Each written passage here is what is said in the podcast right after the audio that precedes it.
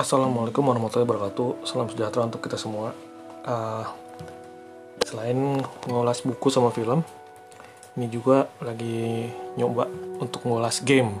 Tapi karena saya bukan seorang gamer handal ya, jadi saya bertanya pada teman saya yang lebih ahli, namanya Freddy Surya, dan beliau memberikan uh, apa ya ulasannya mengenai game-game yang game-game bertema horor yang menarik untuk dimainkan. Uh, sebagai disclaimer, tentu saja jika ada orang tua yang mendengarkan, sebaiknya mengawasi anaknya sedang bermain game apa ya. Itu aja sih. Nah, selamat mendengarkan. Halo para pendengar, selamat pagi atau siang atau malam, salam kenal, salam sejahtera dan semoga sehat semuanya. Nama saya Freddy, saya temannya Takdir, jadi saya ucapin makasih sekali lagi buat Okondo Podcast yang udah undang saya untuk bagi-bagi cerita hari ini. Dan saya merasa terhormat diminta jadi tamu di podcast hari ini untuk ngomongin tentang game. Dan karena kita ini lagi di bulan Oktober, bentar lagi ini mau Halloween, saya mau bicarain tentang game horror. Jadi horror itu bukan cuma film aja, sekarang udah merambah ke game jadi udah ada genre-nya horror game. Saya rasa semua orang udah tahu kali ya yang namanya Resident Evil. Itu game horror yang udah terkenal sampai dibikin film layar lebarnya udah beberapa seri. Udah tamat harusnya.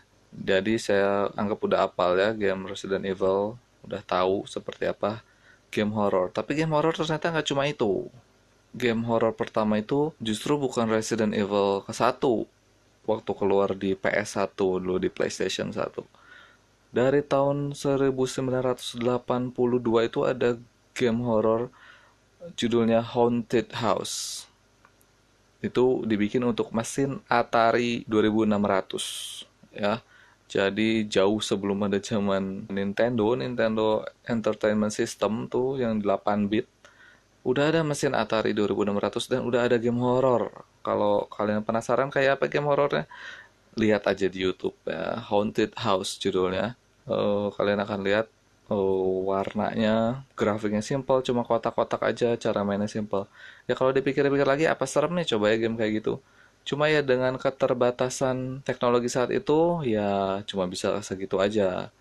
Itu pun terinspirasi dari film-film horor tahun 80-an dan seiring kemampuan komputer bertambah untuk memproduksi grafis yang lebih bagus, untuk memproduksi gambar dua dimensi, ilustrasi-ilustrasi gitu, banyak game horror yang mulai dibikin dan ngambil lisensi dari film-film horror kayak Texas Chainsaw Massacre, lalu ada Halloween dan Friday the 13th.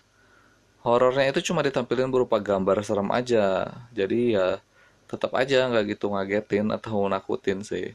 Di tahun 1992, game horror pertama yang mulai nampilin sensasi serem judulnya Alone in the Dark. Itu dikeluarin untuk PC. Game ini pakai model polygon 3D untuk karakter-karakternya, tapi backgroundnya, lingkungannya cuma pakai gambar diem. Kelihatannya emang seperti 3D juga, tapi itu sebenarnya gambar pre-rendered. Jadi emang asalnya dari 3D tapi udah di render jadi gambar dua dimensi.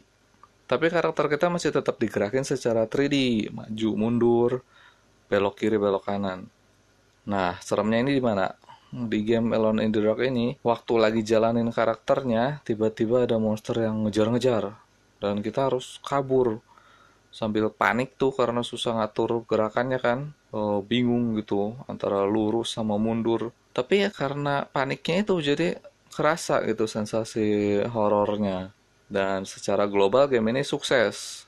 Malah ini game ini ini yang menginspirasi game Resident Evil. Karena kalau kalian perhatiin dibandingin sama persis e, cara pengendaliannya dan backgroundnya itu sama persis. Cuma Resident Evil lebih lebih dipoles saja dan Resident Evil ini tahun 96 keluarnya dan developernya yaitu Capcom langsung bikin istilah baru untuk genre kayak ini yaitu survival horror. Jadi zaman sekarang game horror udah berkembang jauh banget. Sejak ada istilah survival horror itu mulai deh muncul istilah horor lainnya kayak psychological horror sama jump scare horror. Bedanya apa sih? Nah, bedanya kayak gini. Pertama untuk survival horror yang udah banyak banget gamenya dan genre ini yang paling terkenal. Game tipe ini berfokus sama upaya bertahan hidup dari karakternya, makanya namanya survival. Untuk bertahan hidup ya kita harus bergantung sama item-item atau sumber daya yang dikasih sama gamenya. Kayak buat pulihin nyawa atau isi amunisi senjata. Nah kalau survival horror itu musuhnya jelas kelihatan dan biasanya musuhnya monster atau zombie yang harus kita hadapi, kita lawan. Jelas ya gamenya udah tahu Resident Evil, Terus lalu ada game lain juga yang judulnya Clock Tower. Musuhnya itu orang kerdil yang bawa-bawa gunting raksasa ngejar-ngejar kita. Lalu ada Dead Space. Settingnya nih di pesawat luar angkasa dan kita berhadapan sama makhluk-makhluk alien gitu. Makhluk luar angkasa. Kalau game Fatal Frame beda lagi. Seremnya itu karena musuh kita hantu-hantu Jepang. Jadi arwah-arwah gitu. Dan cara ngalahinnya nggak bisa pakai bedil atau senapan mesin tapi pakai kamera. Harus pakai blitz kameranya. Lalu ada lagi game Left 4 Dead sama Dead Rising yang musuhnya zombie. Sekarang kita ke genre kedua yaitu psychological horror game. Di sini gamer ditakutin sama keadaan emosional, keadaan mental atau kejiwaan.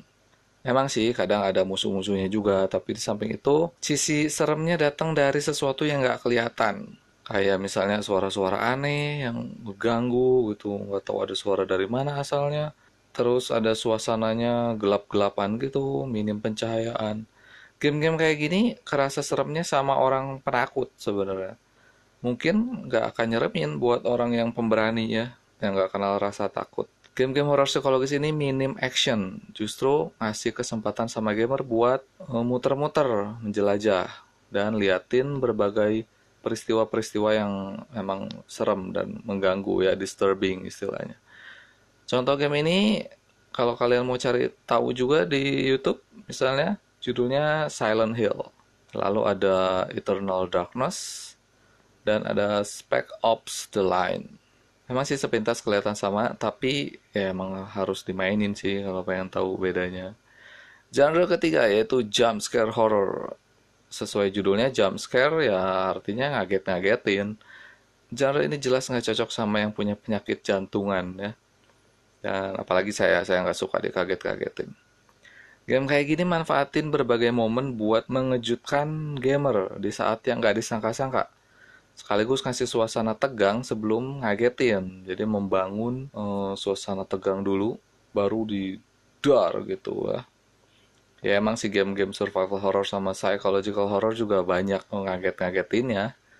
Tapi sebaliknya game-game jump scare nggak punya elemen action atau psikologis. Jadi benar-benar ngagetin aja mekanismenya. Game kayak gini sebenarnya ngejar reaksi gamernya dan terbukti populer dengan banyaknya youtuber gaming yang mainin game-game kayak gini. Buat kaget-kagetan lebay-lebay gitu ya. Tapi ya yang nonton senang-senang aja sih ngelihat mereka ketakutan gitu. Ya seperti peribahasa saya senang lihat orang susah gitu. Lalu kalau yang mau tahu gamenya kayak apa bisa cari judulnya Five Nights at Freddy's zaman sekarang saya amatin ya game-game horor banyaknya masih pakai elemen survival tapi pakai mekanisme petak umpet. Jadi sekarang e, trennya itu ada musuh yang harus kita hindari dan kalau sampai musuh itu lihat kita, kita nggak bisa lawan. Kita cuma bisa kabur, terus ngumpet. Nah, terus tunggu deh sampai keadaan tenang sampai si musuh itu cari tempat lain atau e, lupa sama ngejar-ngejar kita gitu.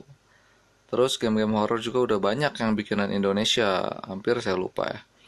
Jadi kita harus bangga nih sama prestasi anak-anak bangsa. Contohnya game-gamenya antara lain kalau mau kalian cari tahu judulnya ada Dread Out. Di ejanya D R E A D O U T ya Dread Out. Lalu ada yang judulnya Pamali. Sama satu lagi judulnya Pulang Insanity pulangnya bahasa Indonesia, insanity-nya bahasa Inggris ya. Apa ini ya kasih-kasih judul bahasa Inggris ya? harus bangga dong sama bahasa Indonesia. Mungkin biar go internasional kali ya. Nah, coba deh kalian cari game-game tadi, terus coba tebak genre game-game itu apa aja. Apakah survival horror atau psychological atau jump scare doang. Ya, jadi itu semua beberapa genre dan judul game horror. Barangkali kalian mau uji nyali di malam-malam di Halloween. Saya sendiri sih nggak suka ya game-game horror pada dasarnya, karena saya penakut. Tapi saya punya satu teman, dia gamer hardcore. Dia bisa main sampai berjam-jam, bahkan sampai subuh. Dan dia doyan banget yang serem-serem. Film serem atau game serem, kasih aja ke dia, pasti dia libas semua. Entah saking berani atau emang udah nggak punya syaraf rasa takut. Saya sendiri sih jujur seringnya hindarin game-game horor atau film-film horor juga karena saya benci ditakut-takutin. Masa saya bayar tiket bioskop tapi ditakut-takutin ya rugi dong. Mau juga mereka bayar saya gitu untuk nakut-nakutin saya baru saya mau. Tapi harus diakui sesuatu yang horor-horor itu bikin penasaran. Kadang saya beraniin diri main game horor karena cuma pengen tahu jalan ceritanya pengen ungkap misterinya, pengen tahu masa lalu apa yang disembunyiin gitu. Dan saya rasa kebanyakan orang juga gitu ya nonton film horor cuma untuk tahu ceritanya, cuma demi endingnya gitu. Karena penasaran aja, ya nggak sih? Dan film-film horor yang saya tonton belakangan ini malah nggak kerasa serem, cuma banyaknya ngagetin doang. Kalau dulu saya nonton film Jelangkung tuh yang pertama kali keluar, kerasa seremnya tuh sampai di rumah aja masih kebayang-bayang terus sampai ke kamar mandi jadi takut. Tapi sekarang nonton film kayak The Conjuring atau It yang hantunya badut tuh nggak kerasa serem yang karena kebanyakan CGI kali ya. Emang sih film-film horor yang lain kayak Hereditary lebih tenang dan nggak ngaget-ngagetin. Itu lebih kerasa seremnya nggak dari ngaget-ngagetin. Kalau film yang lainnya kayak Midsommar atau Get Out saya belum tonton. Mudah-mudahan nanti suatu saat nonton. Ya, udah segitu aja kayaknya gamers bahan obrolan hari ini nggak saya perpanjang tentang genre-genre game horror. Semoga nambah wawasan kalian dan bisa ngeramein suasana Halloween ini ya.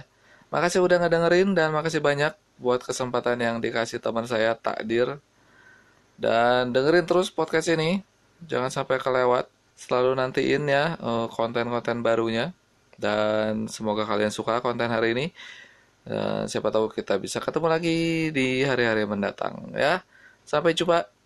Tetap sehat semuanya. Dadah.